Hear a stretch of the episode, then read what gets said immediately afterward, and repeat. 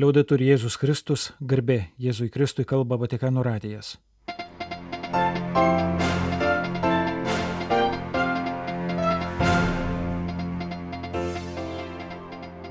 Malonus klausytojai šioje programoje. Popiežius įsteigė naujųjų kankinių tikėjimo liudytojų komisiją. Vienuolis kalbasi apie migracijos problemas. Šrilankos viskupai dienos šviesą kelia išnaudojama kavos ir arbatos plantacijose. Po žurnalistinio tyrimo apie neapykantą krikščionims Izraelio politiko pažadas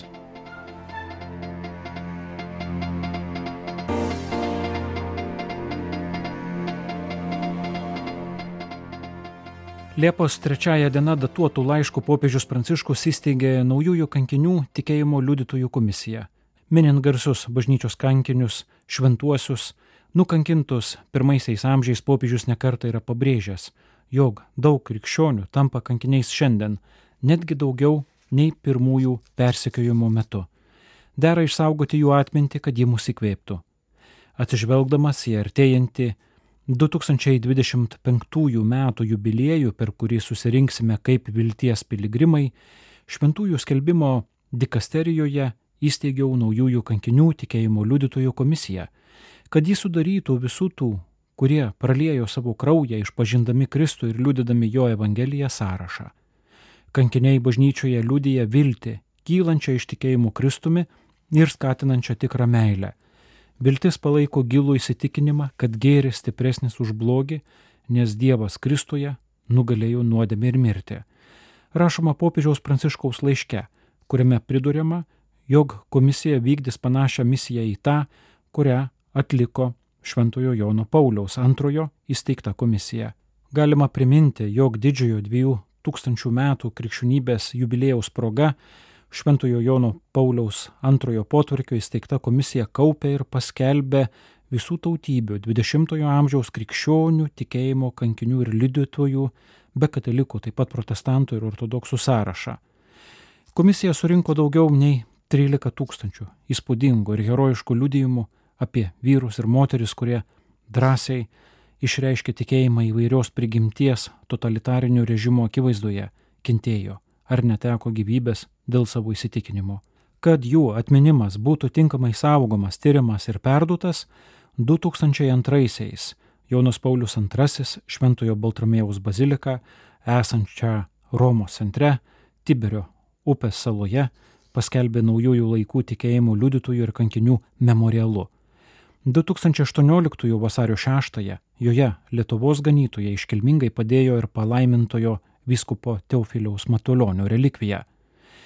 Popiežiaus Pranciškaus įsteigta naujųjų kankinių tikėjimų liudytojų komisija tęs Šventojo Jono Paulius II sukurtos komisijos darbą, tačiau skirsis nuo jos tuo, kad bus nulatinė ir dirbs pasibaigus 2025 m. jubiliejui.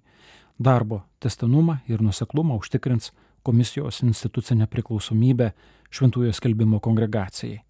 Komisija tęs didžiojo 2000 metų jubilėjaus proga jau pradėtą tyrimą, kad nustatytų tikėjimo liudytojus dabartinio amžiaus pirmajame ketvirtyje ir tęstų jį ateityje.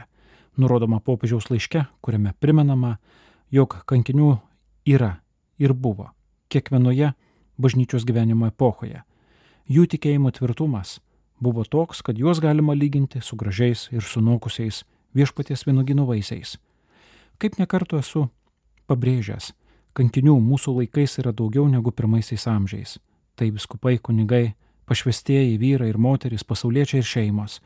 Įvairiose pasaulio šalise savo gyvybės dovanojimu pateikia aukščiausią meilės įrodymą, rašo Pranciškus.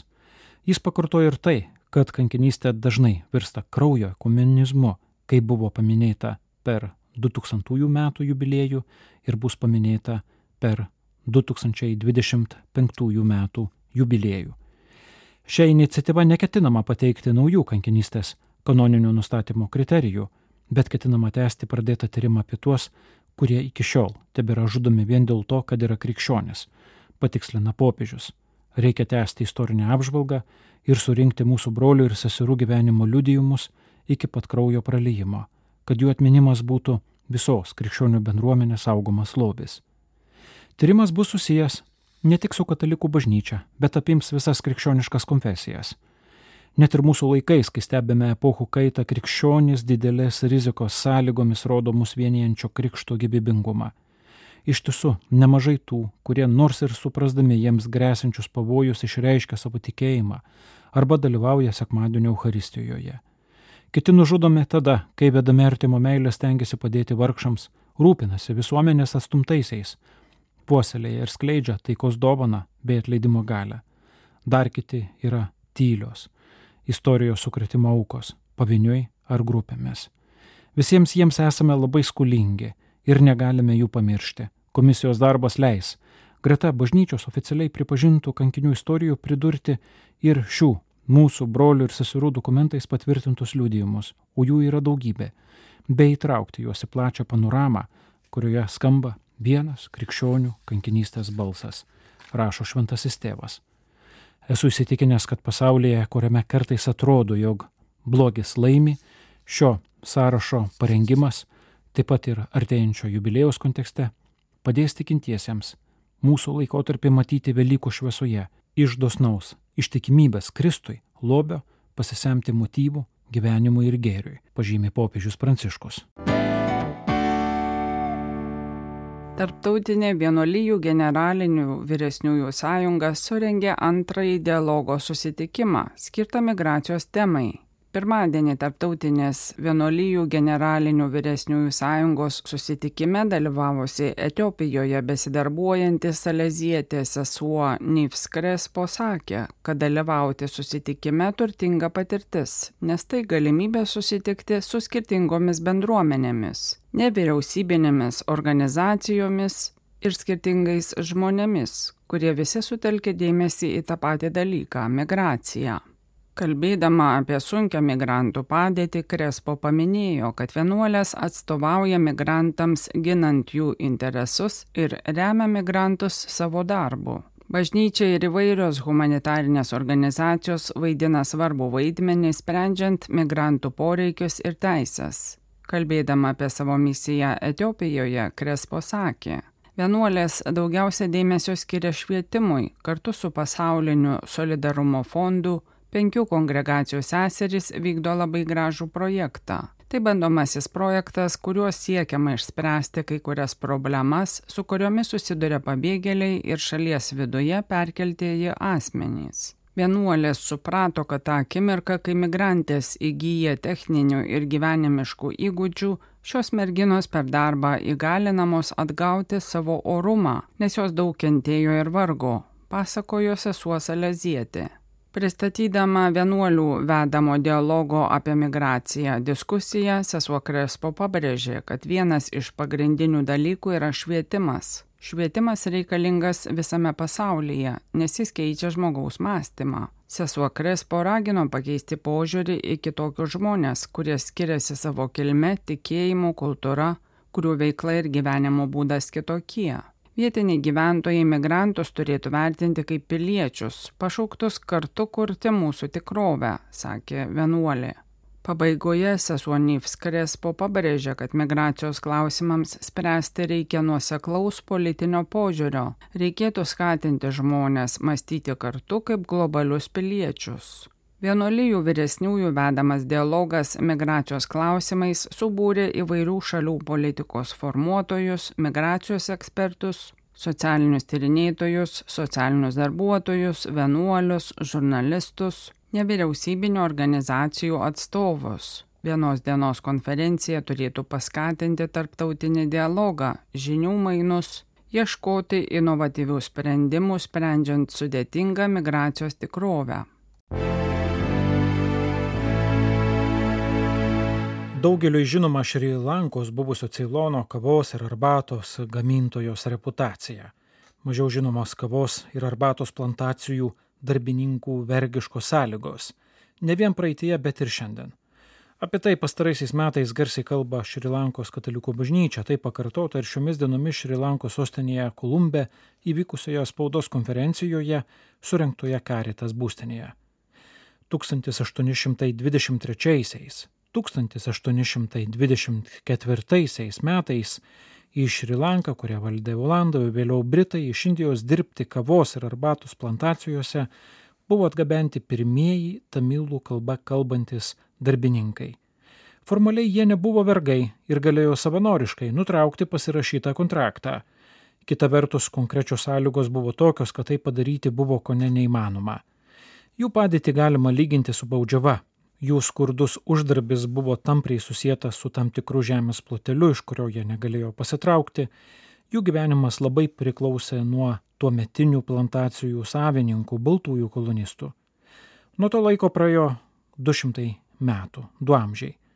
Šri Lanka nebėra kolonija, nebėra kolonistų, pasikeitė darbo ir gyvenimo sąlygos, tačiau tamilų etninės grupės tradiciškai ir toliau dirbančios Šri Lankos plantacijose gyvenimas išlieka panašus į tą, kuris buvo anksčiau, pažymėjo kardinolas Malkomas Ranjetas, Kolombo arkivyskupas. Šri Lankos karitas būstinėje Kolumbe surinktoje konferencijoje greta kardinolo sėdint Teisingumo ir taikos komisijos pirmininkui viskupai Justinui Pnana Pragasamui ir viskupams iš plantacijų zonų buvo kalbama apie švietimo sveikatos priežiūros ir hygienos infrastruktūros, socialinės diskriminacijos ir itin žemų atlyginimų problemas. Pasak kardinolo Ranjito, tiesiogiai plantacijose ar namų priežiūroje dirbančių tamilų gyvenimo sąlygos dažnai priliksta tam, kas vadinama šio laikinėmis vergovės formomis. Jis pabrėžė, kad nors nebėra kolonistinės antvarkos, tačiau dėja kolonistinį mentalitetą ir požiūrį į tamilus ir plantacijų darbininkus perėmė patys šrilankiečiai. Todėl vyriausybė turi dirbti dviejomis kryptimis - gerinti materialinės tamilų gyvenimo sąlygas ir kovoti su socialinė diskriminacija, pabrėžti jų lygų orumą su visais kitais Šrilankos gyventojais. Šrilankos Kataliko viskupų konferencija 2023-2024 metų laikotarpiu, minint 200 metų sukakti nuo pirmųjų plantacijų darbininkų atgabenimo, planuoja daug renginių ir susitikimų, kad atkreiptų dėmesį į dabartinių plantacijų darbininkų situaciją ir ją gerintų. Po žurnalistinio tyrimo apie neapykantą krikščionims Izraelio politiko pažadas. Kai mes pradėjome šį tyrimą, neįsivaizdavome, kokia paplitusi panieka krikščionims Izraelyje. Pakako vienos dienos kunigo rūbuse, kad susidurčiau su įvairiais neapykantos pažeminimo ir spjaudimo gestais. Ir niekas mūsų neparengė tam, su kuo susidūrėme dienos pabaigoje. Rašo žydų žurnalistas Josi Eli pristatydamas 13 kanalo Birželio 24 dieną transliuotą reportažą Viena kunigo diena. Žurnalistas persirengė pranciškonų rūbais ir lydimas tikro pranciškono vaikščiojo Jeruzalės gatvėmis. Pasak jo, nepraėjo nei penkios minutės, kai pirmą kartą sulaukė nepagarbaus gesto. Praėjus visai dienai tokių gestų prisikaupė daug įžeidžių ar žeminančių žodžių bei veiksmų. Tarp šių gestų autorių ir vaikas, ir pagyvenęs žmogus. Bet itin nemalonus buvo pripažįsta jos Eli dienos pabaigoje įvykęs epizodas. Jiems einant pro gatvėje būdėjusių karių grupę su uniformomis, vienas iš jų draugų ir vadų akivaizdoje demonstratyviai spjovė į jo ir į jį lydėjusio pranciškono pusę. Tai buvo sunku suvokti, rašo žurnalistas. Jei taip viešai elgesi tvarka prižiūrintis karys, ko laukti iš kitų. Izraelio televizijos žurnalistas reportažo apie neapykantą krikščionių atžvilgių ėmėsi po žinių, kad tokių epizodų itin padaugėjo per pastaruosius šešis mėnesius. Pasak jo laikas reaguoti visai visuomeniai. Teiginiai, kad tai paprastas nepilnamečio huliganizmas ar atsitiktinis žmonių be vidinės pusiausvėros elgesys, kaip dažnai teigiama, netitinka tikrovės. Pastaroji labiau byloja apie sistemišką ir tam tikrų radikalių nuostatų maitinamą elgesį. Žurnalistas taip pat nusistebėjo, kokie silpni šių epizodų atgarsiai visuomenėje, politikų ir teisės saugos reakcijoje. Birželio 28 dieną žydų žurnalistas papasakojo apie savo apsilankymą moterų vienuolynę Jeruzalės centre, kuriame anot jo gyvena malonios Lenkų vienuolės priimančios piligrimus. Prieš kurį laiką vienuolynas patyrė vandalizmo išpolį, buvo apmėtytas akmenėmis ir užgauliai aprašinėtas. Bet tik dieną anksčiau, praėjus 12 dienų nuo skundo, vienuolyną pagaliau aplankė ir video kamerų įrašus paėmė policijos pareigūnai. Atvykę pamatėme, kad seserys bijo net duris atidaryti nepažįstamiems žmonėms, rašo Josi Eli, pridūręs, jog vienuolynas yra šalia ultraortodoksų žydų kvartalo. Sunku mums, sunku piligrimams. Be to, jie grįžę į savo namus kitiems pasakoja apie tai, ką matė, sakė žurnalistui viena Lenkų vienuolė.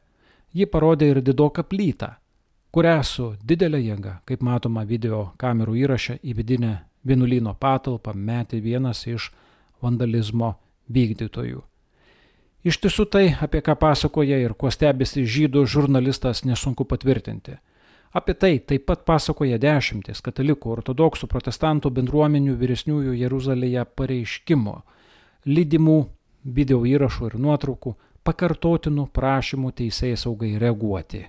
Prieš dvi savaitės, birželio 16-ąją, Jeruzalėje netgi surenkta tarp religinė konferencija apie krikščionių apspjaudimą.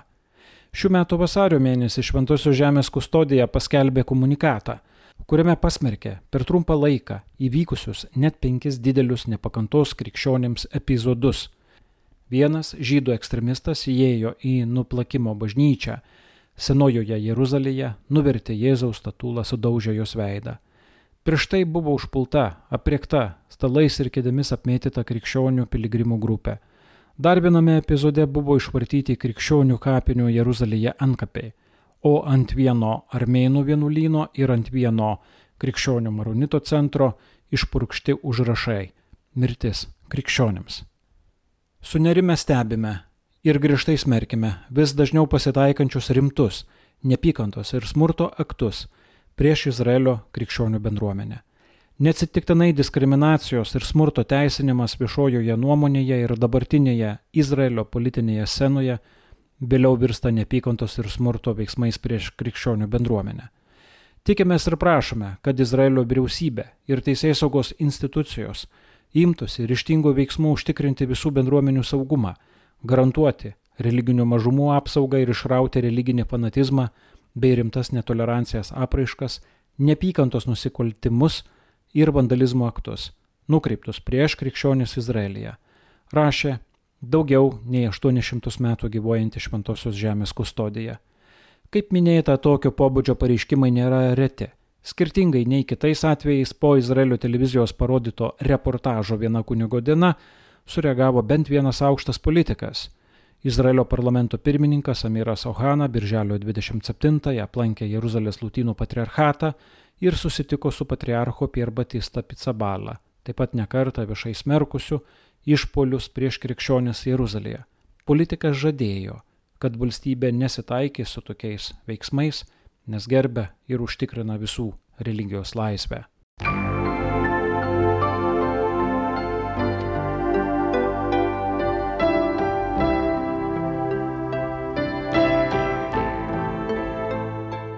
Malonus klausytojai laidą lietuvių kalbą baigiame. Kalba Vatikano radijas. Garbė Jėzui Kristui, liaudai turi Jėzus Kristus.